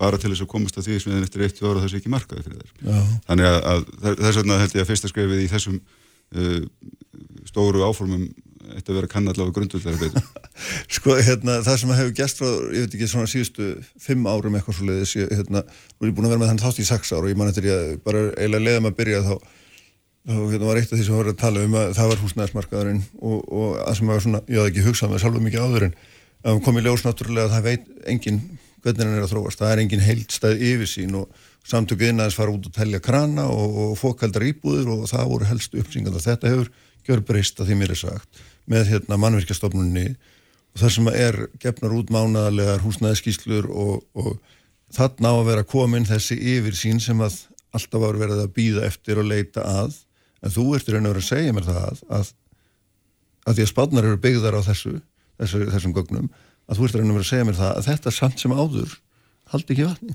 Ég sko, við hefum fyrir, fyrir það fyrst að vantar kannski bara betra gagsægi inn í hvað liggur að baki spám húsnæðis og mannverkjastofnunar um húsnæðis þörfina og mánaðaskíslur hafa með sér frábærar. Mm. verið að einmitt stórbæta upplýsingar um það hvað er að gerast á markanum bara frá mánuðu til mánuðar, hvað er í byggingu hérna, hvernig er sölu uh, eftirspurna þróunin og, og, og verðu annað þess að það þróast. Uh, þannig að það hefur auðvitað gjör breytt þessari stöðu eins og segir sko fyrir áratögu veist enginn hvað var í pípunum einu sinni. Og það kom bara eitthvað minni ljós. Uh, virtist ekki verið að fá svör frá sveitafélögum um það hvað hefur verið búið að gefa út af eng, engar uh, um eða neitt Nú á þetta að vera allt saman klárt í þessum húsnæðisáallunum og Já, það sem auðvitað verður að hafa í huga er sko, húsnæðismarkaðir er sko, það er ekki gott að beita fasteignarmarkaði í hagstjórn.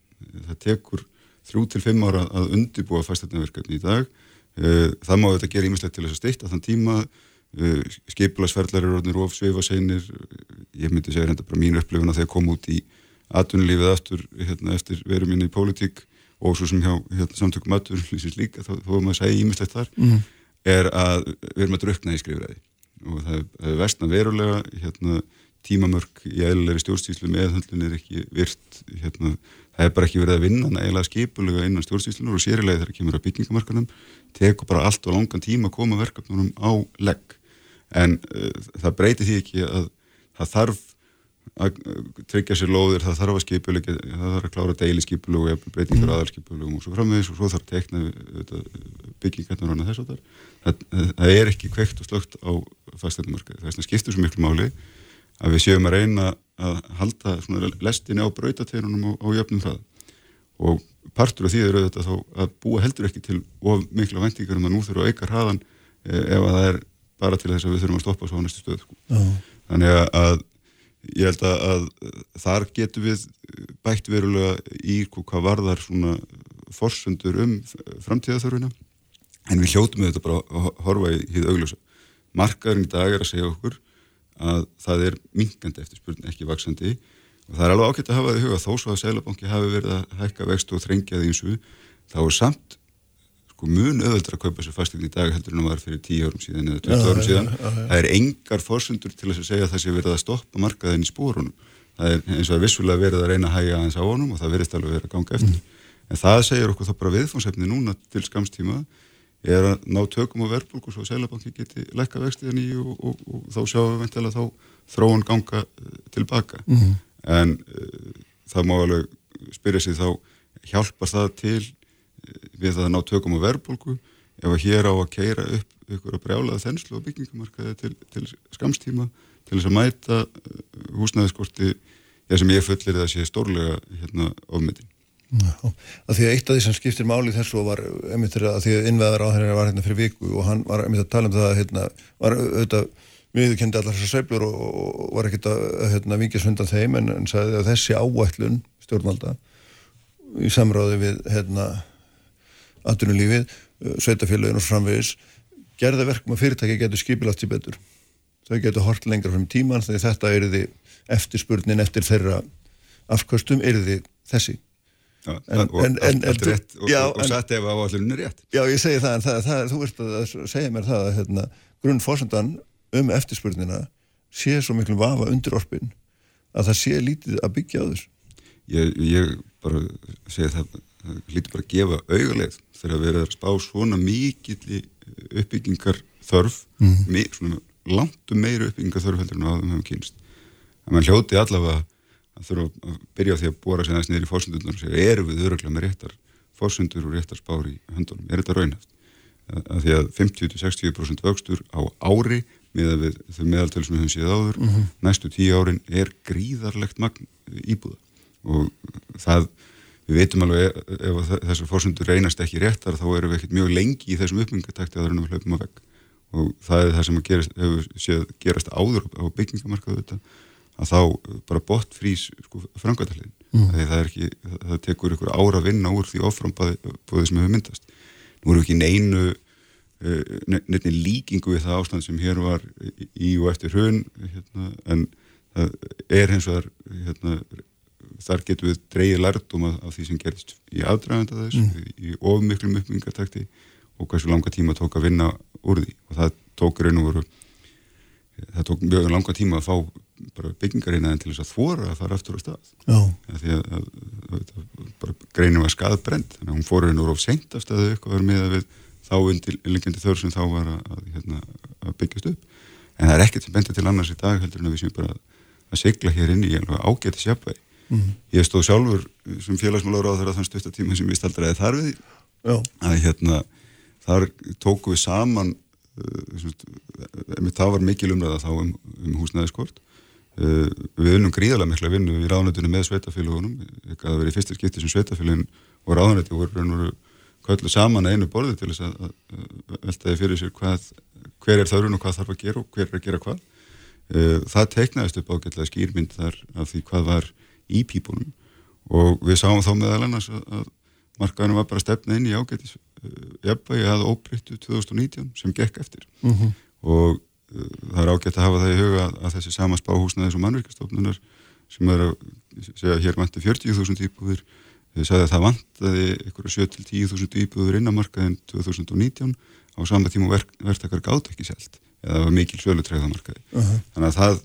enn og aftur ítir aðeins undir uh, ég, það sem ég fagnaði og veru, eh, það var einn áherslupunktur sem ég var mjög ánaður með í hérna, þess, þessum stefniskali Mm. stjórnvalda var einmitt einn megin punkturinn, kannum hvort að okkur vantið þetta það, það stendur vissulega þarna í skælinu líka kann- kanna raun og veru undir líka Já. fórsendur En að því að þú ert, hérna, þú ert starfandi núna á þessu markaði minna, og það er eitt, eitt hluti að þessari umræði er náttúrulega svona þetta, þetta sem að blasir auðvitað við að við erum Íslingar eru svona, við ætlum gerðan að gera margt í einum byggja upp innviði, við skuldum einhverja 400 miljardar held í innviði að mati hérna, ídalir úttækt samtaka innarins og við erum að byggja hérna rísa landsbítala sem að innviðar á þeirra saðan frá því fyrir viku að, að, að, að lægi 13 miljardar ónotar frá því í fyrra því að það var bara ekki hægt að vinna verki hraðar. Uh, hérna, við ætlum í þetta húsnæðsáttak við erum, og, og svo framvegis og svo framvegis. Og maður veldur alltaf fyrir sér þessi verktaka yðnar á Íslandi. Ég meina, einhver einhver efri mörg eru í hans afkastagetu og, og, og, og hérna, fjöldastarfólk og alls þessa sko. Já, já, vissulega og, og en þetta byggjast þau efri mörg kannski bara fyrst og fremst að því að, að hérna, það tekur auðvitað tíma að byggja upp uh, framlöslu getu, það hefur lengi verið gaggrínt í Íslandskom byggingarriðna að framleiðinu sé ábútafant gæðum mm. sé ábútafant sérstaklega í sko, þessum þenslu árum uh, og, og sem segir okkur auðvitað bara að það er, það er best þegar þetta er svona meiri sígandi lukka að við séum að byggja upp jæmt og þétt og, og búum þá við eitthvað stöðuleika til lengri tímalitið uh, við erum uh, í gegnum EE-samningin sko, aðilega yfir 500 miljóna manna vinnumarkaði. Það hefur ekkert reynst okkur neitt vandamál þegar okkur hefur vanta starfsfólk að, að sækja starfsfólk út mm. og við sjáum við þetta bara við erum hægt og rólega að breytast í meira og meira einflýtenda samfélag og það, það er sem við borið hafustin okkar við erum verið á undarföldnum sko 15-20 árum. Margt sem við getum gert betur þar hérna, tryggja að fólk setist hér þá frekar að og, og svona sem meiri, meiri stöðuleika mm. í, í, í þeim öfnum öllum. En það er ekkert vandamál fyrir okkur ef við tíma skal okkur upp ef, ef þörfin er fyrir hendi. En þar til dæmis að þessu kemur að innviðaskuldinni ég sko hér hefur byggst upp mikill hallaregstur hjá hennu ofnbæra bæði ríki og sveitafélagum á endaföldum árum. E, sko á árunum eftir hrun frá 2010 til getur við sagt 2015-16 var ekkert sveigurum í ríkisformálum fyrir neina innviðuppbyggingu það fyrsta sem var skorið niður í hrunni var fjárfestingin og hún var svelt næstu áruna eftir.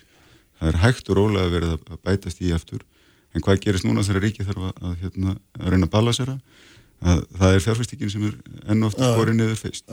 Og, og það verkefnum forgansraða eins og það er heitir. Já, það er bara miklu auðvöldra fyrir pólitíkus að skera niður fjárfæstingu heldur en að fara í að reyna að bæta ríkisrækstur og, og, og sveitafélagin samaskapi með sama vanda líka. Þannig að við þurfum að hætta að beita ofnbæri fjárfæstingu sem sveiflujöfnun, hún virkar ekkert mjög vel sem sveiflujöfnuna því að hún tekur svo langan tíma í undirbúningi þegar tilunir er að segja grepið að yfirleitt höfum við verið að koma inn í hápunkt hafsöflunar þegar verkefni lóksins koma til framkvæmda. Landsbítalinn ágætti stæmið það. Mm -hmm. Var oft talað um þetta sem gott verkefni til þess að reysa okkur upp úr hérna, vákreppunni og, og, og, og COVID en, en við erum fyrst núna, erum nú í hápunkti hafsöflu að, að komast á okkur skrið með það verkefni. Já. Þannig að, að, að miklu farsallega ef að stjórnvöld bæðiríki og sveitafjölu eru að horfa til um eitt langtíma áhersluðna í innviða uppbygginguna. Það er auðvitað að spá fyrir um vegaframkvæmdir, eh, hérna, eh, sjúkráðsuppbyggingu og, og, og annað þess að það er. Íbúðamarkaðurinn hefur svolítið tilhengu til þess að leysa sig eh, að stórum hlut á markasforsöndum þess að mm -hmm. svo eftirspurt sem er fyrir hendi. En er ekki þessar áherslan eru náttúrulega einhvers konar höfnun á þessu sjónamiði nákvæmlega. Það er að segja að hérna, markaðurinn geti lissi sjálfur. Það þurfi með að miðstýranum mun meira heldur en hérna veggjert hefur verið. Markaðurinn hefur nú yfirleitt leist sig alveg ágætlaði sjálfur en, en hann er lengi að aðlægast miklum sveiflum mm. sem að þess vegna er bæðið mikilvægt að, að það sé velfylgst með því hvað er önverulega í, í byggingu og mjög mikilvægt að hafa áallanir sem þessar til, til grundvallar þessar raunhafar vel unnar langtíma áallanir um einhverja húsnæðisþörf þannig að menn sjáu svona nokkuð auðveldlega hvort að, að það sé verið að byggja of mikið eða of lítið mm. Eh, en eh, sko það er heldur ekki eh, stjórnvöld byggja ekki íbúður þau vissulega leggja grundvöld þau, þau skipuleggja svæði og, og hérna þau stýra regluverkinu sem að ræða því hvað svo rætt þessi skipulegningar vinna gengur fram. En á endanum er það byggingamarkaðurinn sem er að byggja þorra þeirra íbúða sem í, í, gangi eru. Það er, mér finnst bara ágætt þegar að verða að tala um sko, þetta sé svona mikið grundvallar vandamál horfum bara á hvað hefur verið að gerast á undanföllnum áratug. Uh, það er met uppbygging í stúdendaýbúðum mm -hmm. uh, það er búið að vera núna samfeld uppbygging frá 2016-17 að telja á, á leiguýbúðum með stoppframlögum hins ofinbera til þess að mæta þá svona tekju lagsta lægri endan þess að þá félagslega húsnæðiskerfi sem er líka búið að vera í nokkuð góðru uppbyggingu sérilegi innan Reykjavíkur og hafnafjörðar og, og, og, og fleiri sveitafélagum þar hérna, sögum sveitafélagum þar mætti vissilega gera betur. En þarna er búið að vera ráðast í umfangsmiklar aðgerið til þess að mæta þessum tekju lagstæðenda við þurfum auðvitað að gæta þess að það sé ekki, það sé ekki gengið of langt eða þess að ef við byrjum að niðugreiða of stórum hluta íbúðamarkaðar þá erum við raunum ekki niðugreiða fyrir nefn við bara keirum ykkur meðin upp eh, þá verðin á, á grundvelli þeirra niðugreiðslu en þarna hefur við séð raunverulega nárangur gerast og mér, mér þótti aðtiklevert eftir alla þessu umræðum miklar fastegnaðhekkanir til dæmis að, að því að fastegna verður drifið áfram til lengri tíma litið af launum og vöxtum. Ef við berum saman 2008 og 2022 að þá er talsvöld lægra hlutfallar hérna launa, nú er ekki að tala um ráðstöðunatekjur, þetta er bara svona einfaldur launamæli hverði e, meðalaun eru voru held ég í hvað, 28% meðalauna þurfti til þess að, að greiða afborganir af segja, 80% fastundaláni af svona ykkur meðal íbúð árið 2008 mm -hmm. það er innan við 20% í dag. E, og í svona lægri tekju á þessum mörgum 25% tekju fjörðunga sem er talaður um þess að, að fjörðungur vinnumarkaðar fullvinnandi vinnumarkaðar er þá undir að það hefur lækkað enn meira Hlutvallið hefur lækkað meira Hlutvallið hefur lækkað enn meira þannig að það er umtalsvert hérna, minna hlutvall af launum að fara í að uh, mæta húsnæðiskuldbindingum í dag heldur en var fyrir uh, þá 14 árum síðan að, að, að telja þrátt fyrir alltaf þessar verðhekkanir og það eru þetta mikil, mikla launahekkanir, mikil kaupmátturreikning á þessum tíma og vakstarleikanir uh, í ofanuleg. Mm. Þannig að það er ekkert sem bendur til þess að það sé eitthvað stórkvæmslega óheilbritt ástand á þessu markaði. Er búið að vera að byggja veruleg upp einmitt fyrir akkur að tekju lagsta endan. Það verist ekki vera mikil spenna á leikumarkaði sem bendur til eitthvað svona eitthvað djúbstæðrar undirleikjandi pressu. Uh, og við erum að sjá að, að á þessum almenna íbúðamarkaði verist en vera bara ná mjög hrætt hjappaði núna. Þessi mesta spenna er uh, liðin hjá. Og fjöldi íbúða í sölu að vaksa frá mánuði til mánuðar og, og verðlækkun í síðasta mánuði sem bendir ótvírætti þess að markaðinu sé á leiðin inn í uh, hjappaði og það sem ég myndi kalla bara mjúka lendingu á íslenskum byggingamarkaði. Þannig að hérna, herri, þetta er hérna mjög frólægt þess að takk fyrir að koma og þarna gaman að heyra hvernig hérna þú metur þessar miklu áallanir og sjáum hvað verður úr þessu. Hmm. Það, sem maður segir, hérna, það líkur aldrei eftir á en, en hérna, við höfum upp bara eftir þessu. Já. En já, bara takk hjá það fyrir. Já, takk fyrir að koma og hérna Halla Gunnarsdóttir sem er fráfærandi frangandstjóri ASI verður hérna eftir öllablik. Uppspretta frétta á Sprengisandi á Bilgunni Uh, Sæli hlustundur, við erum hér á lokasprettinum í dag, Þorstin Vílundsson farin frá mér en sestir hjá mér Halla Gunnarsdóttir sem er fráfærandi frangandstjóri ASI eða Alþjóðu Sambands Íslands, Sæli og Blessu, velkomin. Takk fyrir. Uh, það er mikið gengið á uh, undarfarnar mánuði á skrifstofum Alþjóðu Sambandsins og þess vegna hérna, mér rétt þegar ég sá að þú, þú varst uh, lýstið því verið að þú ætlaðir ekki að sitja lengur heldur vildir hérna taka staðinu, hattin og staf og, og hérna og fara uh, sko þetta ástand sem hefur verið, við langar aðeins að fá þess að breyða svona ljósaða frá þínum þínum bæjardýrum hérna, það hefur svona það hefur auðvitað verið sko það er mikil ófrýður utanfrá. Mikil árásir, mikil gaggrinni uh, já. Hvernig hefur þetta hort við þér og ykkur sem hafa settið þetta einandra Já, það má allavega segja svona það sem maður sér utanfrá það er uh, minna en það sem maður upplifir hérna inni. Já. Þetta er búið að vera svona frekar rústursamt mm -hmm.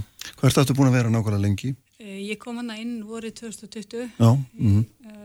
upphafi COVID ég sagði alltaf þá ég er að koma henni inn í miðju COVID svo bara var það náttúrulega miklu lengur Já, þetta er, rétt um tvö ár Já, rétt um tvö ár Já. sem ég er búin að vera henni inni Já. og þá þegar voru náttúrulega átök sko, það voru svona ákveðna línu búin að teiknast upp þá að Ragnar og Vilhjálmur Ragnar Þór Ingólfsson og Vilhjálmur Birgisson voru svona uh, ósáttir við Drífi Snædal og voru svona eitthvað hamast í henni og Ég skildi það svo sem alveg, ég svona, frá mínu bæðatöru séð eru þeir svona miðja hægri menn og drífa náttúrulega svona róttak og rétt sín vinstri manniska mm -hmm. og komur ekki droslega óvart að þarna væri eitthvað, bæri eitthvað á milli og þarna var verið að uh, deila um hvað aðgerð eftir að grípa til vegna stöðunar sem var komin upp út á COVID-faraldrinum. Uh, það var náttúrulega hugmyndir á lofti, atvinnureikundur vildu að mínu viti kannski aðeins nýta tækifærið og... Og skerða með einhverjum hætti kjör fólks. Og hérna, og það var svona verið að ræða þetta inn í reyfingunni og, og svo, svo niðurstað sem þar náðist allir því að þeir gengur báður og dýr og uh, þeirra sjónamið eru ekki ofan á. Þannig að þetta svona var að gerast þegar ég er að byrja sko. uh, og sem ég náði alveg utan um þetta bæði svona ágreiningin og personur og leikandur en síðan þegar þetta var einhvern veginn bara örskömmu setna orðið eitthvað Ragnar og Solveig gegn, Solveigana Jónsdóttir gegn Drífi Snædal og þá var ég alveg hægt að botna uppni niður mm.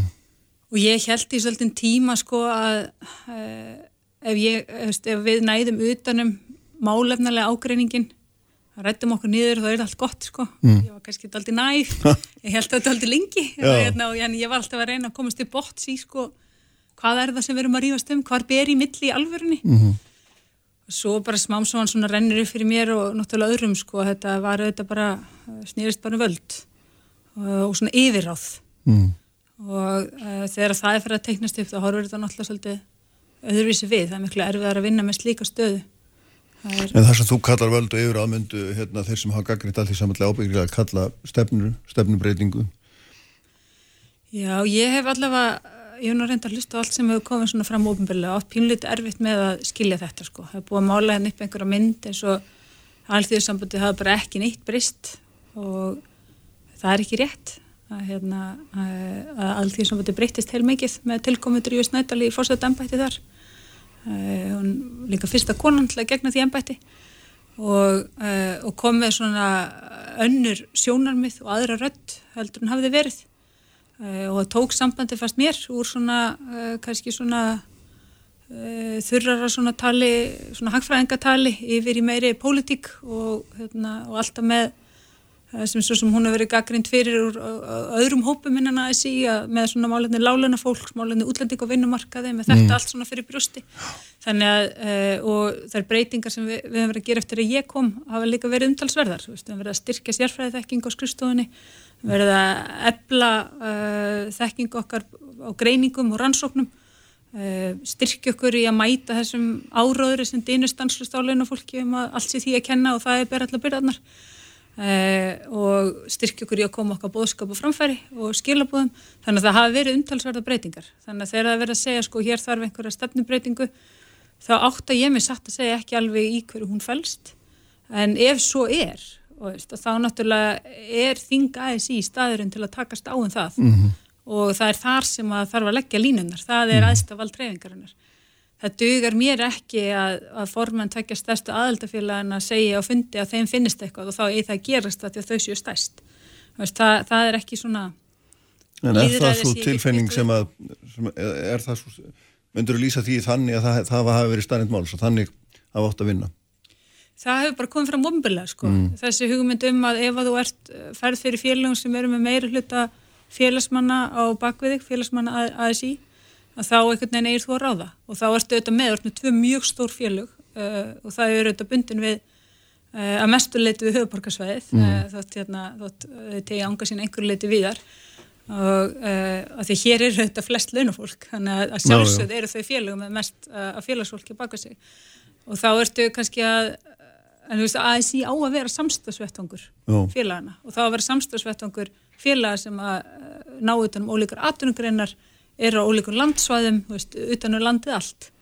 Þetta var auðvitað ekki það, ég meina, einu sinni var allþýðarsamband Norðurlands, já, já. Meina, en, en þetta er allþýðarsamband Íslands. Já, nákvæmlega, nákvæmlega. En er, er sko, því að nú heyri maður svona ímsa rattir frá alveg málsmetandi fórstufólki, eh, þessum er fyrir algjörlega í, í, í ólíkar áttir, annars verður við að tala um hérna, þau sem að standa núna eða eru núna að hérna að knýja dýra og vilja taka yfir alltíðsambandi eða komast láhrif á þar þau séu hérna, þau séu hérna, freg og yfirgangsum og ætli bara að komast til valda með á þeirrim fórstum og hins vegar heyrur þessar rættir um það að, að hérna, það sé nöðsælegt að um meina stokka þetta upp. Eina sjónum er að að hérna, stjætta baráttu og þess aftar og menn hafi týnt sér í svona þessu sérfræðingaveldi, hafi týnt sér í einhverjum svona málamilunum og glemt að, að verja hagsmunni þeirra sem minnst meða sín Já um, mér er svolítið erfitt að taka undir þessa sögurskoðun sko. uh, hitt er rétt að við höfum auðvitað verið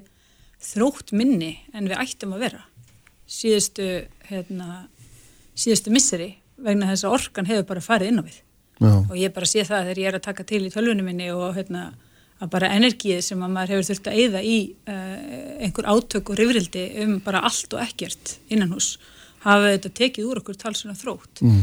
en ég til eins og að sko þetta er ekki sko andstæður, þú talar ekki um sko stjætta baráttu í einu orðinu og svo eitthvað sérfræðinga í hinu orðinu, þú veist, þú þarft sérfræðiþekkingu í stjættabaráttu nútímans, það er bara þannig. Þú veist, þú þarft sérfræðiþekkingu til að mæta hérna, því sem er sagt og gert uh, í efnaðasmálu landsins, því sem Mhm. er sagt og gert í hérna, uh, því sem atvinnureikundu stíga fram með, þú verður að geta mætt þessu og auðvitað alþjóðu samband Íslands að halda á slíkar sérfræðiþekkingu, það er nú bara einn ástæðan fyrir því að það er stopnað Eh, og þetta vita líka stærstu félagin vel. Þau eru með sína sérfræðinga, hagfræðinga, lögfræðinga professora og ég veit ekki hvað á sínu snærum Mhm. einmitt til að gera þetta. Mhm. eh, en síðan er það þetta félagana sko sjálfra að heia baráttuna í kjærasamningunum og þar eru þetta einhverjar eitthvað um ólíka nálgun en það er samt samhljómur í, hefur verið samhljómur í svona stóru dráttunum en auðvitað eru hagsmunir, menn hagsmunir vestlunar og skristofólks eru aðrir heldur en láleina fólksins og hagsmunir yðnamanna liggja annar staðar Mhm. og þetta auðvitað þarf alltaf að mætast innan ASI en ég get ekki séð að það breytist eitthvað með nýri fórustu ég á mér erut með að sjá hvernig það Mhm. það geti breyst Mhm.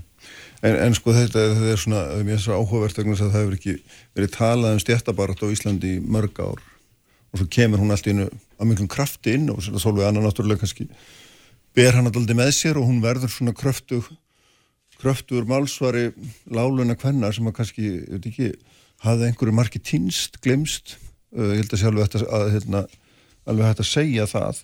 Og, og, og, þarna, og, og síðan svona einhvern veginn kristallar það, það síðan í einhverjum deilum við bandala háskólamanna og svona sem er að, að gerast núna. Meina, hvernig horfir þessi þessi þróun við, við þér innan að þessum kontor Ég, ég bara, ég minn eina ástæðan fyrir því ég vildi fara að starfa fyrir ASI Mm. mm. var að ég skinjaði einmitt einhverja svona stemmingu fyrir að uh, taka harðar á misskiptingunni í samfélaginu, fjalla um ójöfniðin, reyna að lifta þessum hópum sem er reynilega gert að lifa við fátæktamörk uh, þetta hefur verið áherslu að drífi snædal Mm. og þetta hefur verið svo áherslu sem ég hef starfað eftir og, og reynt að leggja lið, uh, þannig að ég er alveg alveg sammála því, þú veist að þarna eru breyttir tímar en uh, sko svo, svo verður þetta svolítið snúnar þegar að fara að tala um átökin innan ASI vegna þess að mér, mér hefur fundist að því þú nefnir Sólvönu Mm. mér hefur fundist hún búa til sögu og narratífi fyrst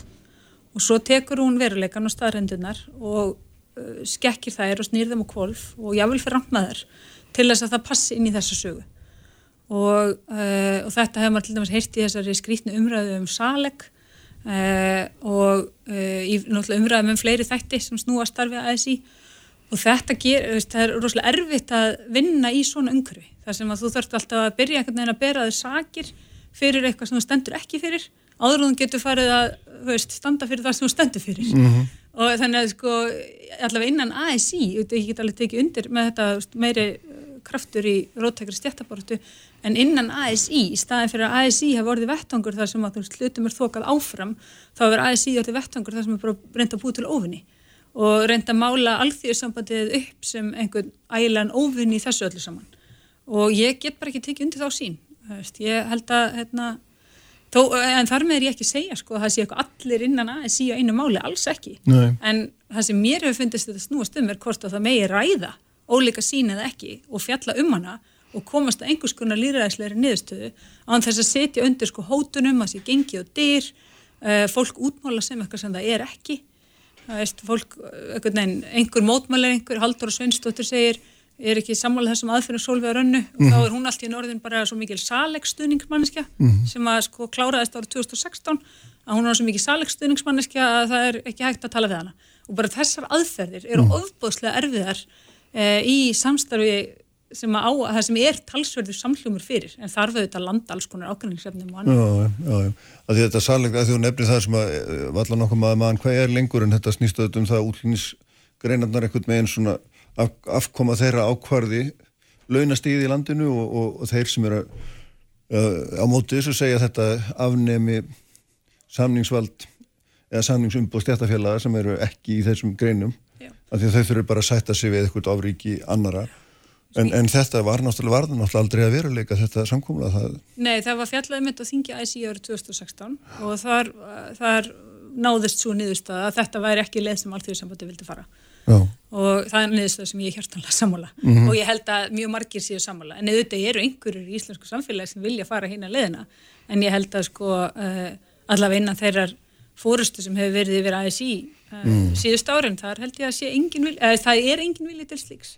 Nei. Uh, þannig að ég eiginlega bara setja þessi skilíkis umræði og hvernig verður að reyna að klína þessu eitthvað á Drífu Snædal uh, finnst mér ótrúlega undarlegt uh, því að hún hefur einmitt staðið gegn þessu og hérna uh, en það er bara alltaf verið að reyna að búa til eitthvað svona veist, það er einhver óvinnur og óvinnurinn hann elskar saleg Mhm. og ég stend hérna gegn þessum óvinni heldur að reyna að mála upp einhver svona myndir og ég bara skil ekki tilnefinguna til að þurfa að vera að gera það uh, gagvart fórustu fólki í verkefælisreifingunni eða hérna, og tala nú ekki um innan þinna eigin hildarsamtaka Mhm. uh, frekar en að beina sjónunum á því sem að mér finnst vera hinn svona raunverulegi uh, andstæðingur mm. Mhm. hagsmunna launafólks En getur þetta verið að einhverju leiti svona ágreiningur um eða, eða ólíka skoðanur á því hversu svona uh, hversu stefnumarkandi verkefliðsreyning á að vera um sko þjóð, þjóðfélagsmál í svona stærri skilningi, þú veist hversu mikið hún á að vera í pólitík að maður orðið það bara þannig eða hversu mikið hún á bara að vera í kjarabaráttu?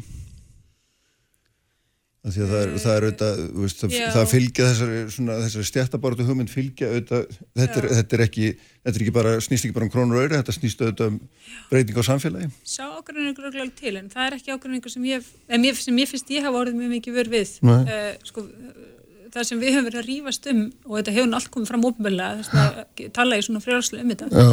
Það sem við höfum verið að rífast um er ekki þetta sko. Nei. við höfum verið að rífast um aðferðir uh, það er náttúrulega mjög djúbstæður uh, ágreiningur í ljós þegar að gripið er til hóp uppsagna á skrifstofu eblingar uh, þar sem náttúrulega hluti reyfingarinnar telur slíkt ólíðandi eins og reyfingin hefur talið í hérna, árana rás uh, og vill einhvern veginn bregðast við því en þetta er náttúrulega fyrsta skipti sem slíkt er framkvæmt á skrifstofu stjættafélags þannig að þetta er mjög undarlega staða.